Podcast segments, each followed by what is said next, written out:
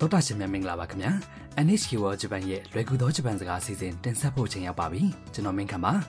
ကျမအပွင့်မှာဂျပန်စကားကိုအတူတူပျော်ပျော်ရွှင်ရွှင်သင်ယူကြပါစို့ ဒီကနေ့သင်ခန်းစာ20မှာအစားအသောက်ထဲမှာကိုမထည့်စေချင်တဲ့အရာကိုဘယ်လိုပြောမလဲလေ့လာပါမယ်အစီအစဉ်နောက်ပိုင်းမှာဟိုကိုကိုဒိုကပင်လယ်စာတွေအကြောင်းမိတ်ဆက်ပေးပါမယ်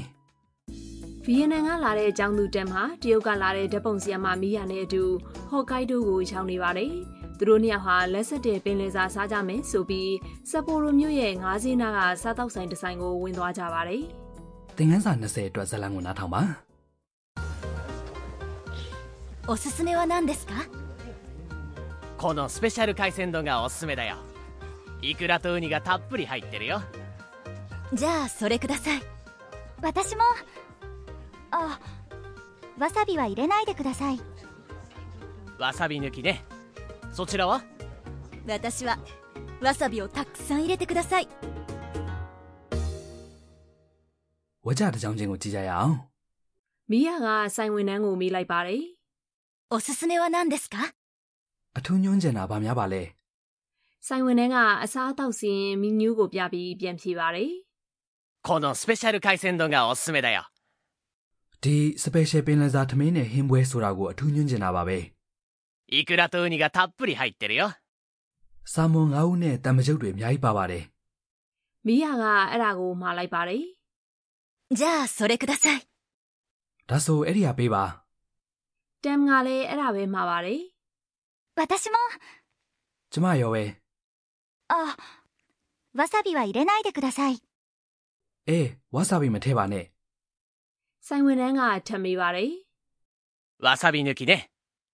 ဝါဆာဘီမပါတာနော် မိယာကိုလည်းမိပါတယ် そちらは ခမ ्या ကရော မိယာကပြန်ဖြေပါတယ် 私はわさびをたくさん入れてください ကျမကတော့ဝါဆာဘီအများကြီးထည့်ပေးပါ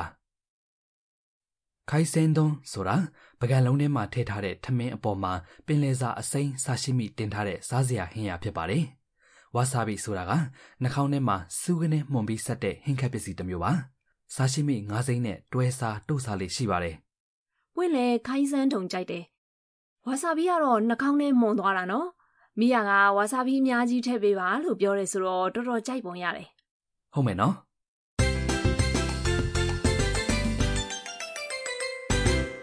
ဒီကနေ့အတွက်အဓိကအသုံးတော့က わさびは入れないでください ဝါဆာဘီမထည့်ပါနဲ့ဖြစ်ပါတယ်ဒီပုံစံကိုမှတ်မိသွားပြီဆိုရင်အစားအသောက်ဟင်းရတွေတဲ့ကိုမထည့်စေချင်တဲ့အရာကိုပြောတတ်သွားပြီဖြစ်ပါတယ်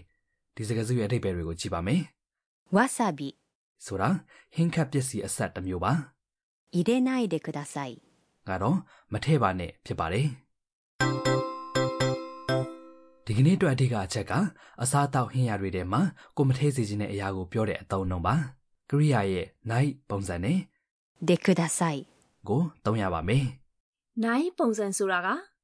night ပုံစံဆိုတာကကရိယာပုံစံတစ်ခုဖြစ်ပါတယ် night နဲ့အဆုံးသတ်ပြီးအငင်းပုံစံအသုံးအနှုန်းဖြစ်ပါတယ်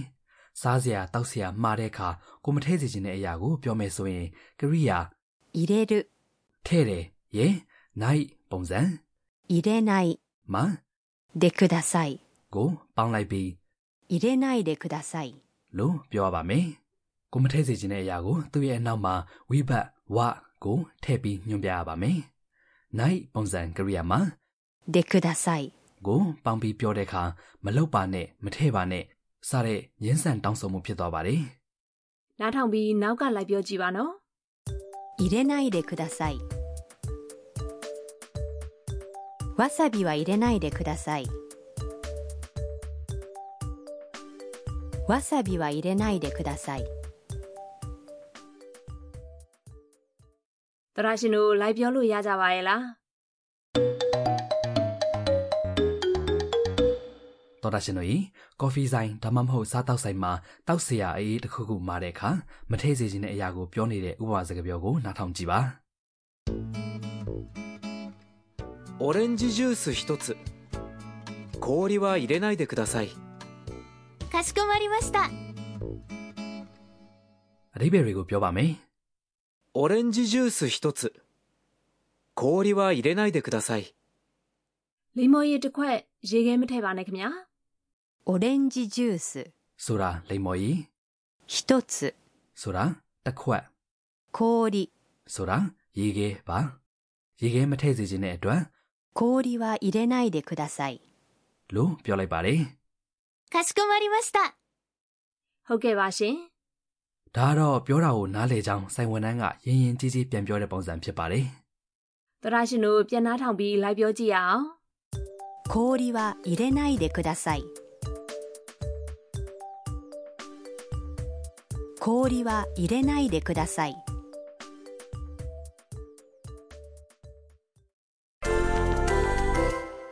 အစားအသောက်ထဲကိုမထည့်စေခြင်းတဲ့အခြားအရာတွေကိုလည်းပြောကြည့်ရအောင်ဆလတ်အတုပ်မှာတဲ့အခါအရသာအရေးမဆန်းပါနဲ့လို့ပြောကြည့်ရအောင်အရသာအရေးက ドレッシング。ドレッシング。 စမ်းတယ်ဆိုတာကိုဒီမှာ かける。 လို့သုံးပါတယ်သူ့ရဲ့ night ပုံစံက かけない。かけない。 ဖြစ်ပါတယ်စူးစမ်းကြည့်ပါခင်ဗျာ ドレッシングはかけないでください。ドレッシングはかけないでください。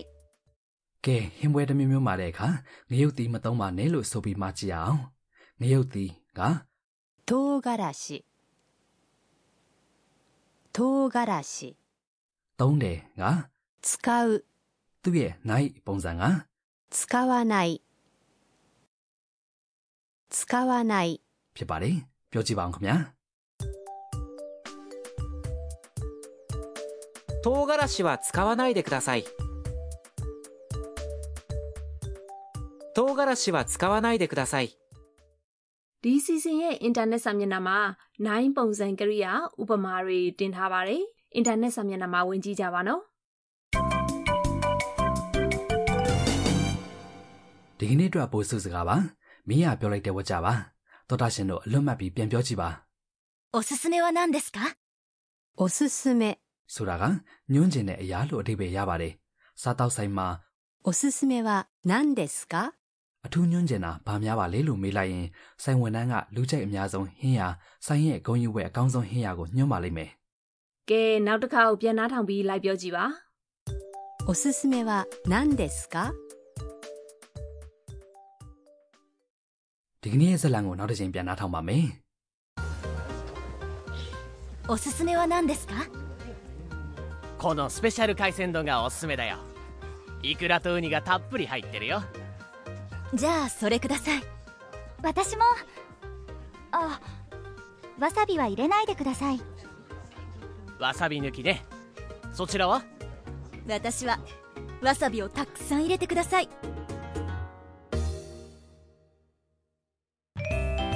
食いしん坊カイトにお任せ ။အခုဆက်ပြီးအစားကြီးတဲ့ guide တို့ရဲ့အစားအစာမိတ်ဆက်ကဏ္ဍဖြစ်ပါတယ်။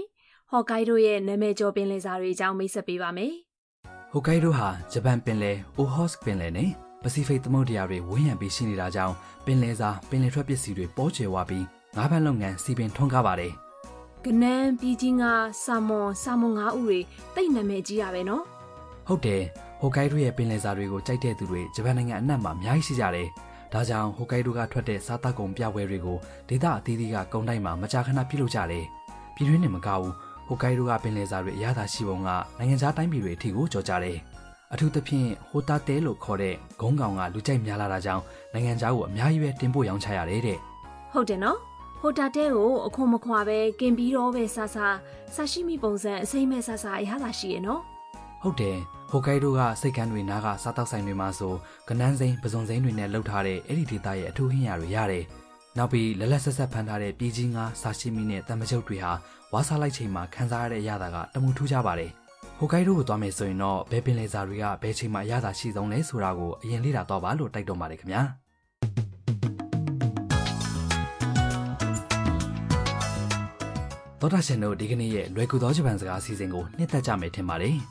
နောက်တစ်ပတ်မှာလည်း Dam နဲ့ Miya တို့ရဲ့ Hokkaido ခီးအကြောင်းဆက်လက်တင်ဆက်ပါမယ်။နောက်တစ်ပတ်မှာပြန်ဆောင်ကြမယ်နော်။